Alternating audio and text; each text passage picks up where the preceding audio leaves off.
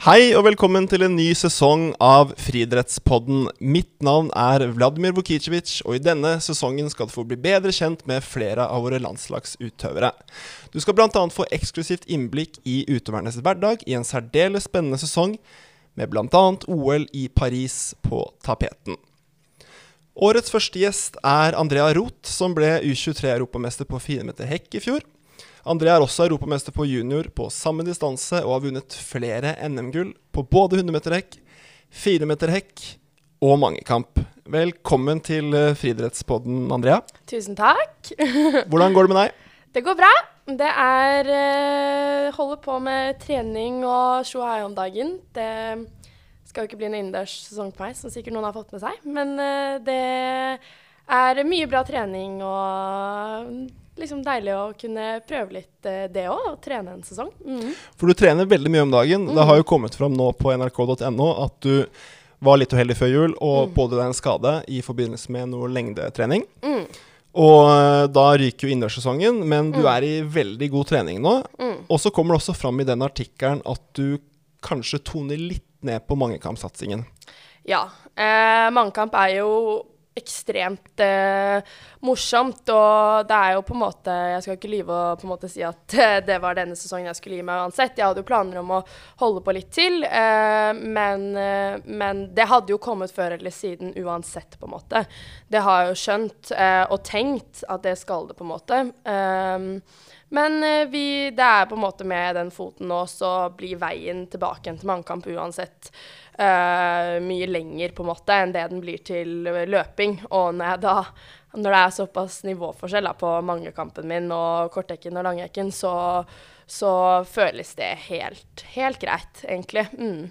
Henriette Jæger, som er en god venninne av deg òg, mm. hun uh, droppa jo mangekamp mm. etter, fjor, etter fjorårsvinteren. Mm. Og hun fikk en uh, veldig bra utvikling ja. etter det. Er det, noe du, er det fotsporet du tenker å gå i, du òg, eller?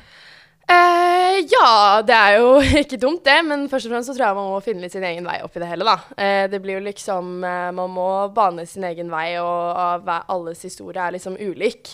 Eh, så jeg tror først og fremst at man, må, man kan absolutt ha læring fra det. Og vi prater jo mye, jeg og Henriette, og kan lære litt av hun og prate sammen. Og jeg, på en måte man ser jo at det har gått bra, for å si det sånn, da. Så så jeg er veldig motivert for det, altså. Så, mm. Men du, er, altså, du, har alltid vært veldig allsidig. Du har drevet med mm. flere øvelser. Du har drevet med mannkamp og både korthekk og langhekk, som, mm. som, jo er ganske to Det er to vidt forskjellige øvelser. Mm. Eh, hvordan Har du alltid vært så allsidig, eller? Eh, ja, jeg har jo egentlig det. Eh, jeg eh, har alltid likt eh, Det høres kanskje teit ut, men jeg har likt å være god i mye, da, om man kan si det sånn. Ja, det gir meg en sånn tilfredsstillelse, på en måte. Så jeg syns det er også først og fremst er veldig gøy å konkurrere i mye. Eh, mangekamp er jo mye mer lek, egentlig, enn det jeg tror folk skjønner. Og det gir deg et grunnlag da, sånn videre, føler jeg, som eh, folk undervurderer. Og det er på flere måter, egentlig. Eh, både det der mentale, det å forholde seg til konkurrentene sine. Man blir mye mer tette med konkurrentene. Man lærer seg til liksom snakke med de, forholde seg til de på en helt annen måte, som jeg er veldig glad for at jeg nå da kan ta med inn i en litt mer som man kaller spisset uh, satsing. Mm. Så du har blitt litt mer street smart og litt sånn der, eh, godt sosialt skolert da, av å drive med mangekamp? Ja, jeg vet ikke om det nødvendigvis kommer fra mangekampen heller. Eh, men, eh, men, men, det der med å på en måte være rustet da, i konkurransesituasjoner med konkurrenter rundt seg, og det å forholde seg til det da, og ha et litt relaxed Føler mange kjemper er liksom litt Når jeg tenker på mange kjempere, så tenker jeg litt sånn relaxed, mm. uh, på en måte. Så ja. Egentlig det. Og det er, mange, det er jo mange av de største stjernene vi har, også bl.a. Karsten Warholm, har jo mm. bakgrunn fra mangekamp. Mm. Daphne Skippers har bakgrunn for mangekamp, og mm. de, har, de, valgte etter hvert omtrent, ja, kanskje på din alder, å begynne å tone ned mangekampen og satse mer på en enkeltøvelse. Mm. Og jeg tenker at mangekampbakgrunn er, og det å være allsidig, er kjempegunstig. Mm. Altså, jeg tror kanskje det er litt for mange som spesialiserer seg litt for tidlig. Hva ja. tenker du om det? Ja, jeg tror uh, også det. Og så tenker jeg særlig som jente også, så har man uh, veldig mye ups and downs. Eh, og det er på en måte noe jeg Jeg har vært veldig heldig der. Jeg har på en måte ikke hatt altså sånn svingninger i form av at på en måte kroppen har skjønner man kan jo, Det skjer jo ting med jentekroppen, liksom, og det er helt naturlig. Eh, og på en måte Det har jo det for meg òg, men jeg har hatt en heldig utvikling i friidretten i forhold til det. Eh, vi har alltid hatt veldig fokus på den der jevne utviklingen fremfor å ta liksom de store stegene, på en måte. Eh, og, eh, og, det har på en måte gjort at eh, jeg har blitt mer um, rustet, da, på en måte. Og at jeg Jeg vet ikke hva man skal si. Det er liksom nå står jeg litt sterkere i det, da. Men ja. Så egentlig det at du har hatt flere øvelser å spille på, og har litt mer sånn veldiversifisert eh, eh, bakgrunn, har kanskje gjort at du da, hvis det har gått dårlig en øvelse, så har kanskje vært litt mer motivert og, og tenkt at ok, da går det fint i en annen øvelse. Ja. Ja, og ikke sin, uh, samtidig så er det det der OK, hvis uh, Det var jo på en måte Var det i fjor, eller Jeg lurer på om det var i fjor. Da var det liksom ikke så mange Det var jo ikke sånn denne sesongen som kommer nå, f.eks. Det var liksom Eller nå blir det jo to år igjen, da, for nå tenker jeg det er nettopp nytt år, ikke sant. Men eh, da var det bare NM, på en måte. Det var det største. og da husker jeg jo at jeg var sånn første sesongen hvor jeg på en måte ikke hadde perset i dritmye. Altså jeg hadde Jeg er liksom vant til å perse, da, skjønner du. Det er liksom det jeg har vært vant til. Og det var liksom første sesong gang var sånn ah, OK, skal jeg ikke det i år? Men da hadde jeg jo ikke sant kule, skjønner du. Mm. Da perset jeg kule. Og da var det sånn OK, da var jo det en liten Det ga mestring. Skjønner du? Ja. Eh, og så stagnerte jeg kanskje litt i andre ting, og var sånn litt roligere der. Eh, og så var det 400 meter hekk òg, da.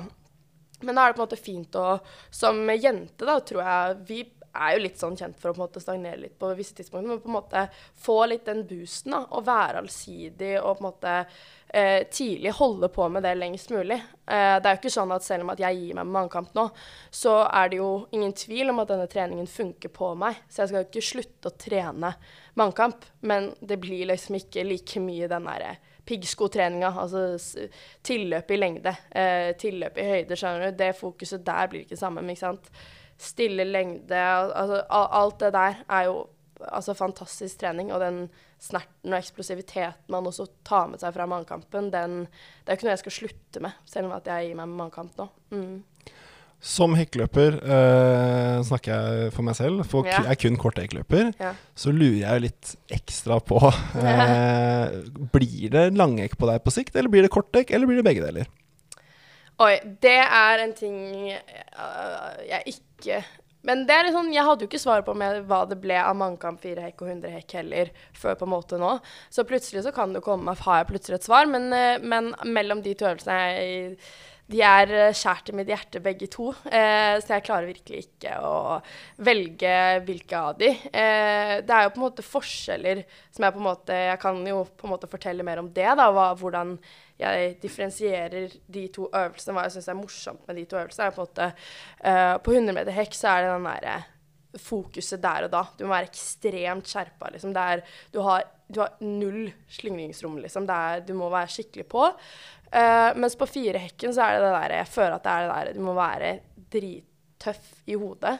Og det er litt sånn Jeg har en liten sånn mentalitet av den som vil mest den tar det, på en måte. Det er ikke, selvfølgelig er jo ikke realiteten det, men den tankegangen der, den trives jeg godt med. da, At man må være altså Du kommer til å få vondt, og vondt det skjer, liksom, men, men må bare ta i, du må bare ikke gi deg, liksom. Så det er jeg vet ikke. Det er, det er, vanskelig mellom de to øvelsene der. Jeg er veldig glad i de begge. Jeg husker jo i fjor da du bl.a. ble krona som eh, U23-europamester på fine med trekk. Jeg var jo Espo og så løpet ditt. Ja. Eh, og det var når jeg, så, når jeg, så, hvordan du gikk ut fra start der, hvor aggressivt du åpna Altså Det var som å se Karsten Warholm mm. ikke sant, på, i, på, sitt aller beste. Altså går mm. ut fra start.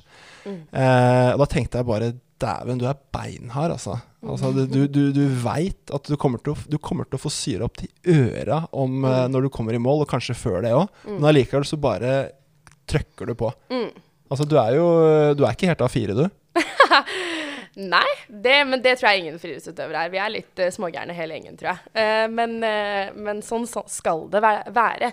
Men, men, jeg liker det der, det konseptet der. At man må være litt har. Um, og på en måte det er på friidrettsbanen jeg får utløp for det også. og Det er derfor jeg elsker å konkurrere, for at jeg på en måte elsker det der at man må bare kjøre på, på en måte. Det er klart at jeg har jo fått folk som sier du skal ikke prøve å ta det litt roligere i starten, Andrea, og se åssen det går, liksom. Men, uh, men, jeg velger å tro at uh, jeg blir sterkere, og det kommer etter hvert. Jeg kommer til å stå bedre og bedre inn uansett. Og da kan de som starter sakte, bare angre seg. Ikke sant? Og du, jo, du blir jo trent av faren din, Vegard. ja. Eh, hvordan er han eh, med på å på en måte balansere Altså, du er jo åpenbart veldig ambisiøs, og du Mm. er, eh, du er ikke redd for å trene hardt. Hvor- hvor- Hvordan er på en måte dynamikken dere imellom når det kommer til at han skal balansere deg som utøver, Mm. men så er han også faren din? Hvordan, hvordan funker det? Nei, altså i starten så var det jo et veldig sånn eh, Han tok på en måte veldig regien, og så jo mer erfaren eh, jeg blir, så blir jo jeg mer delaktig i treningsprosessen og planleggingen også. Eh, jeg kommer med egne innspill. Eh, før så var det på en måte han som var litt sånn Ja, dette skal vi trene i dag, og så på en måte går årene, og så er jeg sånn Ja, men kanskje vi skal trene litt mer av det der, eller ja. Og jeg på en måte har begynt å kjenne Man kjenner jo kroppen sin bedre og bedre også. Eh, og jeg tror den der dynamikken der da, uh, har vært uh, ekstremt fin. At uh, vi hele tiden snakker sammen dag for dag, litt sånn time for time også. Sånn Plutselig så gjør vi justeringer til og med i økta, og det har jo også gjort at jeg er veldig mottakelig for variasjon, endringer, brå endringer. Eh, at på en måte vi hele tiden justerer for å optimalisere, da. Og det er jo noe jeg ikke hadde klart alene. ikke sant? Det der å ta de der rett før-beslutningene er jo mye vanskeligere alene. Da er det fint å ha en dialogpartner som liksom Ja, nei, men det høres bra ut, på en måte. Så, og det er jo veldig unikt da med at man har, um, har foreldre som trener. Det kjenner sikkert du til også. At man på en måte man, Selv om at han Man ser jo også nesten på dem hva de tenker om uh, mitt uh, utsagn, på en måte. Sier jeg skal vi heller trene det, så kan jeg liksom, så kan jeg se litt sånn rynking på nesa. Der, liksom, og ja, ok, Så han er ikke helt enig. OK, hva tenker du da? Så det er den der dynamikken der, da. Mm. Nei, jeg er helt enig i det. Og, det ikke, og av og til så er det sånn at ens egne foreldre kanskje kjenner deg bedre enn du gjør selv, ikke sant? Altså, sånn, Ja. Som utøver så er jeg i hvert fall veldig på, på det, når efter Ja. du nevnte med, med far og trener. Mm. Eh, og, og, og, og min far, da, som, som har trent meg i alle år, han, han, han kjenner Altså, jeg ser ingen begrensninger, ikke sant? men Mm. han ser på en måte OK, det her kanskje vi skal dempe litt i dag. Mm. Og så sier jeg nei, nei, nei, vi kjører på. Og så Ja. når det har gått gærent, så er det som regel fordi jeg har villet uh, dunke hodet i veggen. Han har prøvd Mm. å advare meg mot det. Det kan jeg si meg veldig enig i. Egentlig. Men eh, du, i treningshverdagen eh, Du og Vegard er jo mye på trening nå, spesielt også nå om dagen, når du trener litt alternativt. Mm. Så hvordan ser eh, helt enkelt treningshverdagen til en som eh, er europamester U23 på 400 meter hekk, og som i tillegg er Norges beste korthekkløper? Altså, er det, vi, er det to økter om dagen? Er det, er det, har du noen fridager? Hvordan, hvordan ser det ut? Mm. Nei, eh, altså jeg har eh, egentlig helt siden jeg startet, så har jeg hatt eh, fri på søndager. Så det er liksom min eh, free time. Og da er det på en måte maks gå seg en tur, på en måte. Men da tillater jeg meg også å ligge på sofaen om jeg vil, altså. Og så er det mandag. på en måte, Nå startet jeg med søndag, det ble jo litt uh, feil Vi begynner med fridagen, det er fint, da. Men fridagen er jo fin, den. Um, så, og så er det mandag. Da er det på en måte, da har jeg ladet opp på søndag, ikke sant. Så da er det mandag, da er det kortdekk. Gjerne bevege seg litt på morgenen, at jeg ikke er smekk på Ja, for du er også glad i det å bevege deg litt på morgenen før du skal løpe Ja. kortdekk? Ja, det må til. Og særlig nå er jeg, selv om at jeg er 21, noen måneder til, så er det på en måte Kroppen endrer seg jo, det nå, på en måte.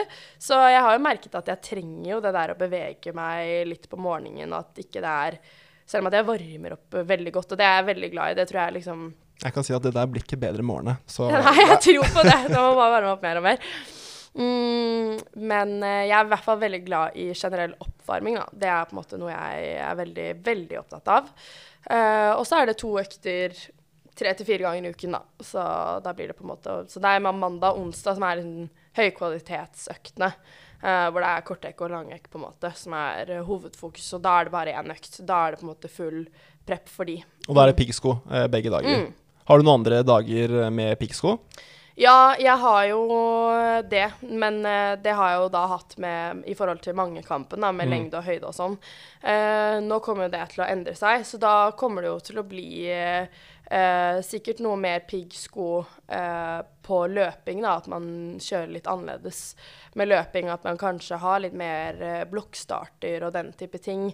Eh, det er jo klart kroppen tåler mer trening også, så man kan jo øke mer år for år, man blir sterkere. og eh, jeg har jo mye å gå på på styrken, blant annet. Vi har vært veldig forsiktige med styrketrening på meg. Det er egentlig noe vi begynte med. Jeg begynte jo eh, det året som var, med knebøy. Eller slutten av det året som var. Var første gang jeg kjørte knebøy. Så vi har liksom spart veldig mye på det, da, og på en måte hatt fullt fokus på det tekniske.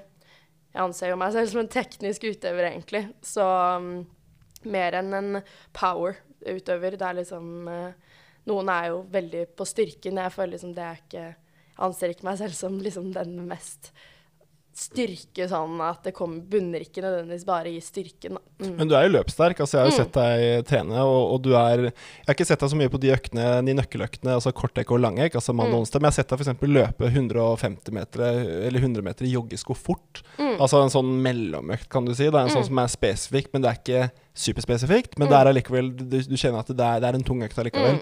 Det er du jo helt rå på, altså de ja. øktene der. Ja, løpssterk er jeg jo. Eh, så det er uh, den derre generell styrken, knebøy, frivending eh, Ja, den der, Den biten der, da, på en måte, som jeg, eh, som jeg tenker med på. Altså det der å bygge liksom størrelse på musklene, på en måte. Eh, og det er jo noe jeg merket når jeg begynte å trene mer eh, knebøy og den type ting, så blir man jo eh, veldig Eller blir man jo litt mer sånn stinn i muskulaturen. Det er lett å kanskje binde seg litt mer og na-na-na, og da må liksom OK, nå må vi nesten ta et steg litt tilbake igjen og ha enda mer fokus på det der. OK, men nå må jeg virkelig fokusere på å holde det der fine avslappa steget som jeg alltid har hatt, eh, som har gjort at jeg har kunnet løpe maksimalt, da. Mm. Hvordan er det med sånn hjelpemidler til trening? Også? Har du, mm. har du noe, måte, noen, noen, verktøy? Altså, type, er det en pulsklokke? Er det laktatmåling? Nei, ingenting. Du tar det litt på gefühlen? Altså ja. hvordan du føler deg når du ja. står opp? Ja, altså, det er jo ikke Det er jo liksom ikke uh, vi, Pappa altså, 'Åssen føler du deg i dag?' liksom. Så er det 'Nei, jeg føler meg bra', eller 'føler meg litt sånn', på en måte. Eller at det er litt sår i en hamstring, eller you name it, på en måte. Uh, og så klart vi tilpasser etter det, og føler jeg meg knallbra, så begynner vi kanskje litt mer rett på. Har vi f.eks. Er jeg litt mer sår, så er det kanskje når vi har løpt inne i Bærum nå, uh, langøkt der, da, så har jeg kanskje heller løpt to løp eh, flatt da, før jeg på en måte begynner på hekken hvis jeg har vært litt sår for å komme i gang. da. Eh, så vi tilpasser jo alltid etter hvordan eh, kroppen føles. Og det har jo vært en veldig fordel med at vi kanskje ikke har satt en sånn direkte ramme da, for hvordan Altså det er klart vi har en ramme, men vi har ikke en satt plan. Det er ikke nødvendigvis sånn at altså føler jeg meg helt dritt, liksom, så tilpasser vi oss jo etter det. Det høres jo, veldig, det høres jo egentlig mer avslappet ut å ha det sånn. Altså, jeg, mm. jo, jeg er jo korttekkløper eller sprinter, da, kall det hva du vil. Mm. Modifisert sprint. Men mm. jeg er jo Altså Hvis ikke jeg har på meg min eh, altså, pulsklokke, så mm. føler ikke jeg at jeg har trent. Altså Da blir jeg oh, på ja. det nivået der. Ja. Så Er det sant? Ja, jeg har blitt skikkelig Altså Jeg har en sånn der iboende langis et sted inni meg, så, eh, som jeg prøver liksom å Ja. Men, eh, men, så du har altså ikke noe Det er rett og slett du våkner opp, ser han litt. Er du støl, så på en måte tilpasser mm. du basert på det. Mm, mm. Ja. Um, du hadde jo en fantastisk sesong i fjor. Um, som vi var inne på, så ble du europamester. Um, du, også, du, var også med på senior innendørs EM. Mm. Og du har også vært med på et EM utendørs i mm. München. Kan ikke du fortelle litt om bl.a. U23, og hvordan det var i forhold til de to seniormesterskapene du har vært på? Ja, eh, altså U23 jo, er jo for meg det største jeg har eh, på en måte oppnådd. Eh, selv om at jeg har deltatt i seniormesterskap og den type ting. Men, men, på en måte det var jo veldig stort på flere måter, egentlig. Det var jo mm, på en måte en gjentagelse av U20. Og jeg føler det å gjenta noe, det setter jeg veldig høyt. Eh, men det er klart at det er, var en ekstremt stor erfaring. Det var et steg opp fra U20. det er liksom mitt siste år som junior. Eh, jeg er jo det fortsatt, på en måte, men, men det er ikke noe U23-mesterskap i år. Um, og jeg syns den der ordningen med at man på en måte går litt sånn opp klasse for klasse Man kjenner jo litt på kroppen at det er faktisk Det blir større og større for hvert år, på en måte. Uh, at man på en måte har den der graderingen der, er veldig fin, fordi da blir man liksom ikke kastet ut til ulvene med en gang. Men, men uh, det er klart det er en, var et helt annet nivå å gå opp fra U20 til U23. Det er liksom uh, Når jeg vant U20, da var det liksom Sverige og Danmark som sto på pallen. Det er dødsbra, det, og det er veldig mange bra der. der og på en måte misforstå meg rett. Men det var liksom, da kom liksom de andre nasjonene. Da fikk du virkelig se liksom det derre hva de mener med at Frankrike er en eh, De er eh, bra, liksom, og, og Storbritannia, ikke sant. De, de, da Du får virkelig skjønne da hva, hva det er snakk om. Du får se litt mer på det. Eh, og så i tillegg så hadde jeg jo da også et um, EM i eh, I tillegg. Eh, to EM var det vel. Da hadde jeg jo allerede vært med innendørs. Ja. Ja. Du har i hvert fall vært med i Istanbul, og du har vært med i München. Ja, da, var det inn, da har jeg allerede vært med i to senior-EM. Eh, det igjen er jo um, på en måte litt annerledes. Da får du en liten sånn Å ja, OK, det er sånn her det er, liksom. Her kan du bare ta oss og slappe av, liksom. Fordi her er det så vidt du er kommet med, på en måte. Der det, handler det mer om å bare komme med. Og det er jo et stort gap mellom U23 og senior. Det er jo det. Det er jo på en måte du skal rett opp dit, og det er et stort sprik, på en måte. Det er liksom, det er ikke gitt at du bare får være med i seniormesterskap når du er ferdig som junior, på en måte. Så sånn sett så har jeg følt meg veldig heldig òg, som har fått lov til å være med på allerede to EM, da. Uh, imens jeg har vært U23. Mm. Og hvordan Har det vært sånn med, har du på en måte merka at det er en litt annen dynamikk? Jeg husker veldig godt at jeg syns juniormesterskapene var veldig hyggelig. Det var mm. veldig sosialt og fint. Så kommer man på seniormesterskap, så blir det litt mer sånn derre da blir man liksom litt mer sånn Folk er litt mer for seg selv, folk er litt mer seriøse. Mens mm. på juniorsiden så er man litt mer sosial og har det hyggelig. da mm. Noe jeg mener man også burde gjøre på senior. Ja. Men har du også merka litt den forskjellen, eh, den approachen når man kommer inn til mesterskapet? På senior versus junior? Eh, egentlig ikke. Eh, jeg har jo vært veldig heldig på en måte. Jeg har jo hatt eh, bl.a. Henriette ved min side hele tiden.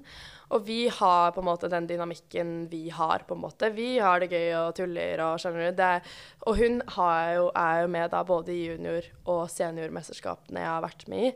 Uh, og da har vi på en måte egentlig bare dratt med oss det vi har hatt på juniorsiden. Um, nå er jeg kanskje ikke den som er uh, Jeg sitter ikke og spiller, satt ikke og spilte kort uh, i U20 på en måte dagen før jeg skulle løpe. Ikke at jeg så at noen gjorde at jeg kritiserer de, på en måte, men skjønner du, jeg, da er jeg, jeg er veldig inne i min boble ja. når jeg var i U23 og U20, på en måte. Der har det hyggelig ved middagen, og da kan man snakke med folk, og det syns jeg er veldig hyggelig. Men utover det så blir jeg, tro det eller ei, men ganske ganske inni meg selv og mitt eh, når jeg er rett før mesterskap. Ja, for du blir litt mer så du er ikke, du er, Det er ikke da du er mest keen på å tømme det sosiale batteriet ditt? Det er ikke Nei. dagen før du skal løpe et mesterskap? Nei, da er jeg veldig for meg selv, egentlig. Ja, Du blir litt mer selektiv? Ja, kan ja, jeg det, si det sånn. Det tror jeg er veldig, veldig vanlig. Eh, ja. Så, så gameface, egentlig, eh, når du kommer på mesterskap, eh, mm. så er det rett og slett at du begynner å kanskje Du er med de andre, men, men, dagen før så begynner du på en måte å kanskje rolig pakke deg litt inn og komme litt i sonen. Ja, eh, det er vel egentlig litt sånn gjennomgående gjennom hele mesterskapet, vil jeg vel egentlig si. Sånn Det er liksom siste dagen. Da har jeg jo helt lave skuldre når vi er ferdig, liksom. Men frem til det så er det liksom Men det er ikke nødvendigvis noe jeg gjør bevisst. Det er bare noe jeg gjør. Det er noe jeg på en måte uh, jeg fikk, Grunnen til at jeg er bevisst på det nå, at, og kan snakke om det nå, er fordi jeg fikk jo spørsmål om det for ikke så lenge siden også. Og da tenkte jeg på det etterpå. Det er, det er egentlig bare noe jeg gjør. Det er liksom, Jeg tror det må være naturlig for deg. Er det og du må liksom vite hva som funker for deg. ikke sant? Det er, det er ikke nødvendigvis sånn at bare for at jeg setter meg inn på rommet mitt og og jeg har heller lyst til å se på en dokumentar eh, jeg, før jeg skal løpe enn å sitte og henge, liksom. Det er ikke gitt at det passer for alle andre. Noen kan jo roe ned nervene ikke sant, ved å være med andre, men jeg liker å spare på nervene og mm. bare få det maks når jeg skal løpe, da. Og hvordan er det å være sammen? Altså, du vant jo åpenbart gull i fjor, mm. eh, og så, så opplevde du samtidig også Uh, I f.eks. Istanbul, da gikk du ikke videre fra forsøket. Mm. Hvordan, hvordan, på en måte takla du to så forskjellige eh, ut, uh, hva skal jeg si, altså mm. outcomes? Uh, jeg vil si at jeg er fort inn og på en måte fort ut av ting, på en måte. Der jeg er jeg er, blir fort ferdig med ting, på en måte. det er ikke sånn at jeg nødvendigvis går og gnager på på en måte skuffelser. Altså, den i Istanbul jo, jo, ble jo litt rar, fordi jeg tjuvstartet jo i München, som sikkert mange fikk med seg. Eh, og det ble på en måte en litt sånn eh, for meg å løpe der eh, Noen tenker kanskje at jeg var skuffet for at tiden kanskje ikke var akkurat det jeg ønsket, og sånn, men for meg var det egentlig eh, litt sånn OK, men en liten sånn OK, men nå er jeg back, liksom. Nå har jeg fått nulla ut den fra München, er jeg ferdig med det. Så for meg var det egentlig Jeg var happy, jeg, altså. Det var selvfølgelig jeg ville komme til en semifinale og var, burde egentlig vært god for det. Um, men, um, Men jeg var fryktelig nervøs, jeg holdt jo på å ryke ut i forsøket der også. Jeg fikk jo gult kort og greier eh, før, uh, før um, jeg skulle løpe der òg, så da var jeg fryktelig nervøs. Så at det, det gikk tilsynelatende bra, men ikke bra nok til en semifinale. Og det gikk fint da. På en måte. Men det er veldig vanlig sånn at første gang man løper et internasjonalt seniormesterskap, så er det Mm. noe litt annet. Da, er på en måte, Mm. da føler man seg litt av noe annet på, på bånn av, Mm, mm. av røkla, liksom. Ja, Så, ja. så det tror jeg er veldig, veldig vanlig. Mm. Eh, vi har jo vært litt innom treningen din. Um, til slutt skal vi for øvrig ha noen spørsmål. Eh, Det er ikke helt ennå. Men, men det jeg gjerne vil spørre deg om, da Du er født og oppvokst i byen, Mm. uh, i Oslo. Mm. Og hvordan har du på en måte Du er jo ikke bare idrettsutøver, du er Mm. også student. Mm. Du har uh, sosiale oppgaver. Hvordan, Mm. hvordan er Andrea Roth når hun ikke er uh, kortdekk og langekkløper? Nei, da er det jo egentlig Da er jeg på en måte ikke det i det hele tatt, føler jeg. Sånn, da liker jeg å prate om alt mulig annet rart. Eh, være masse med venninnene mine. Eh, jeg har jo veldig Altså, jeg har på en måte eh, venninner som jeg har hatt helt siden barneskolen. Eh, og, og jeg er veldig heldig med det. Jeg har veldig trygge rammer rundt meg. Eh, og det er jeg utrolig heldig som har. Så på en måte når jeg vil trekke meg tilbake og virkelig bare få inn helt nye impulser, så, så er liksom det litt mitt flukt, eh, fluktsted. Eh, og og det Nei, jeg, det, det, så det er liksom det jeg bruker eh, tiden min til da. Jeg er jo student også. Det er jo i kombinasjon med at jeg har også nettstudier. Så den er på en måte Der tilpasser jeg jo etter friidretten, på en måte.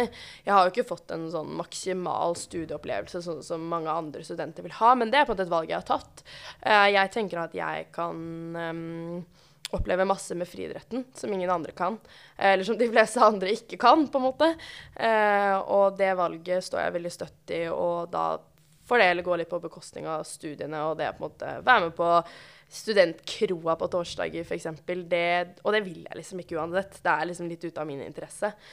Um, så har jeg jo venninner også som liksom er eh, glad i å dra ut og den biten der, og jeg syns det er veldig gøy at de gjør det. og og jeg blir jo absolutt med. Jeg tar uh, sikkert litt tidligere kveld enn de, og på en måte drikker ikke i det hele tatt på samme måte som de, for å si det sånn.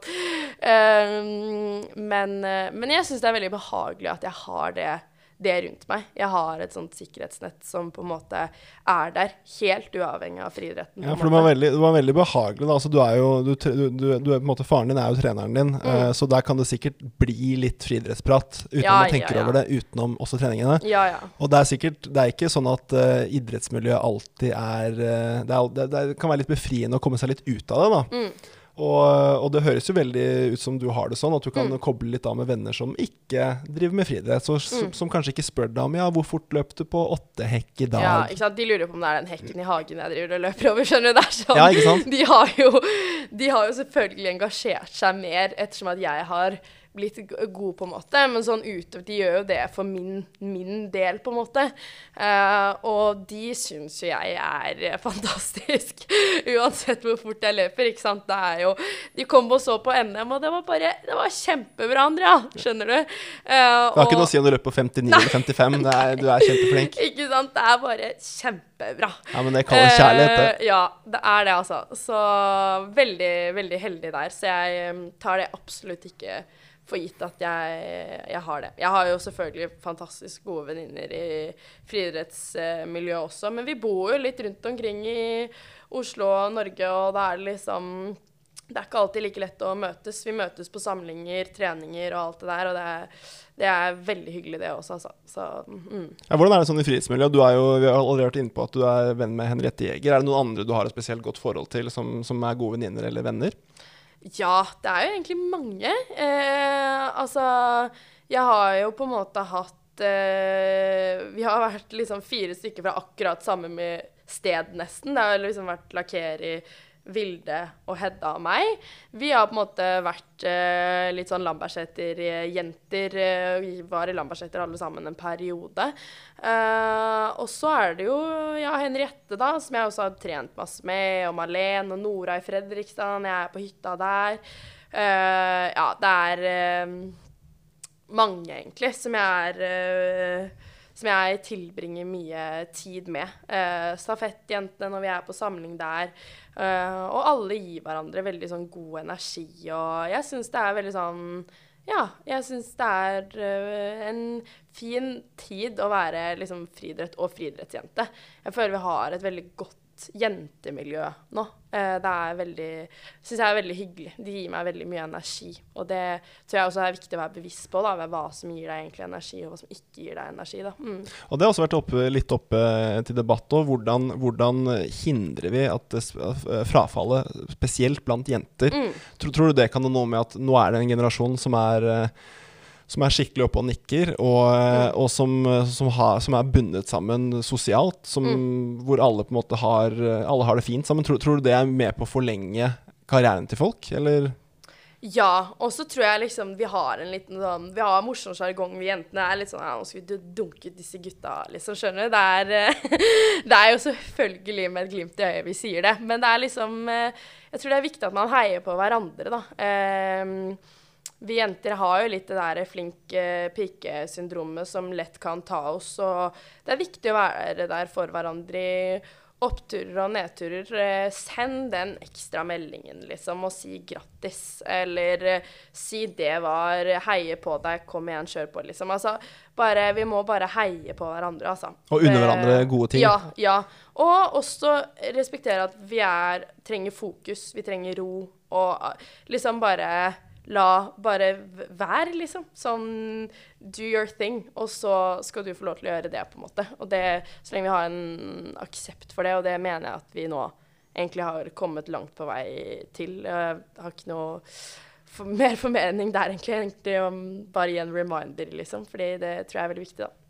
Så hva slags horisont er det du og den uh, jentegjengen har? Er det på en måte, tror du det er det OL uh, skal vi se, det er 2028, da er du bare 26 år. Du må mm. tenke mm. mye lenger enn det. Eh, snakker vi OL 32 eller 36? 26? Er du gæren? Jeg er jo ikke ung. Altså, da OL 36, da er du Hvor gammel? 34 er du da? Kan du se for å holde på så lenge? Ja, vi får se. Det, er, det, hadde vært Vi får se. Det er jo, vi jenter er jo som en vin, da. Vi blir jo bedre med åra, har jeg hørt. Så det er eh, Det gjelder å holde på, da. Det er jo selvfølgelig jeg hadde jo egentlig Det er jo sånn lett Når jeg var uh, eh, 16 år, så tenkte jeg at herregud, når jeg er 22 år, da skal jeg ha mann, barn, hus, uh, skjønner du. Og så jeg, blir jeg 22 nå om to måneder. Og her sitter jeg, på en måte. Så jeg tror man Uten vet Uten mann og hus? Så. Ja, det er liksom Skjønner du? Men det er um, ja eller nei, men ja, det er, eh, det er viktig å, å, å um, og bare ha litt sånn avslappet forhold til det, tenker jeg. Altså, ikke ta noen brå, brå eh, vendinger bare for at du skal bli best akkurat da. Men, eh, men så får vi bare se, da. Det er eh, Men når jeg er 26, så håper jeg jo at jeg er litt inni det, da. det er du helt sikkert. Ja. vi har fått inn noen uh, spørsmål fra sosiale medier som uh, vi tenkte kanskje du har lyst, om du har lyst til å svare på de. Ja. Se, så er første spørsmålet som du har spurt om, hva er målet for årets sesong? Ja, det er eh, Jeg har jo litt eh, lave skuldre nå. Det er på en måte mm, Planen er jo fortsatt den samme på et vis. Um, og så er det liksom Fokuset mitt er liksom ikke helt der nå. Uh, det er Jeg tenker egentlig ikke noe på det, og har egentlig ikke gjort meg opp noen tanker heller. For det har jeg på en måte ikke rukket heller, før dette skjedde med foten og det. Um, så på en måte først og fremst må jeg bare bli helt bra. Bra. Jeg skal bli helt bra. Uh, sånn at det er uh, slitesterkt i mange år fremover. Uh, langt lenger enn bare det året her, på en måte. så jeg tror det er viktig å ha en langsiktig plan. selvfølgelig også en kortsiktig, men den der langsiktige, det er jo grunnlaget for fremtiden, ikke sant. Så det er ikke det, denne sesongen her vi skal ha OL-gull og um, og EM-gull, det så realistisk det, det, det, kommer i 2036. Få se, da. og så er det noen som spør eh, hvordan ser en dag ut for deg med tanke på mm. måltider og trening? Eh, mm. Du sa jo før du kom inn i studio her at du bl.a. har cøliaki. Mm. Hvordan, eh, hvordan måte, får du den kabalen til å gå opp da med tanke på matinntak, riktig mat og mm. så mye trening som du, som du bedriver? Ja, eh, altså jeg Jeg har jo cøliaki, som du sa. Så, og når jeg fikk det, eh, så gjorde det meg Jeg fikk det da jeg gikk i fjerde klasse.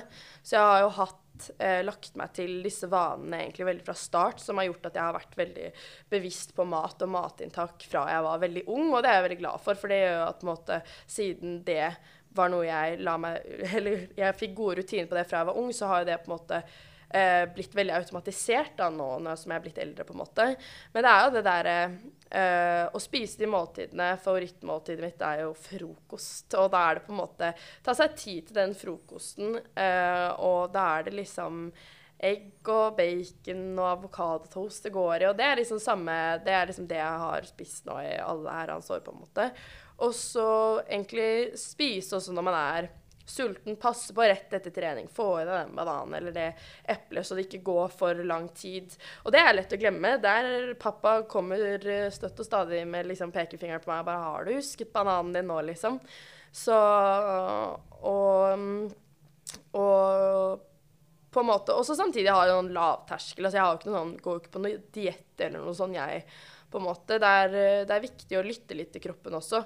Og være sånn Ja, OK, noen ganger OK, ikke hver dag tenke sånn ha, I dag vil kroppen min ha sukker, da skal jeg ha sukker. Men ikke sant, noen ganger så vil jo trenger jo kroppen det òg, på en måte. Du er helt low, du står og lager middag, og det tar en halvtime å lage middag. Ja, OK, greit. Da kan jeg absolutt ta litt sjokolade for å holde det gående, liksom.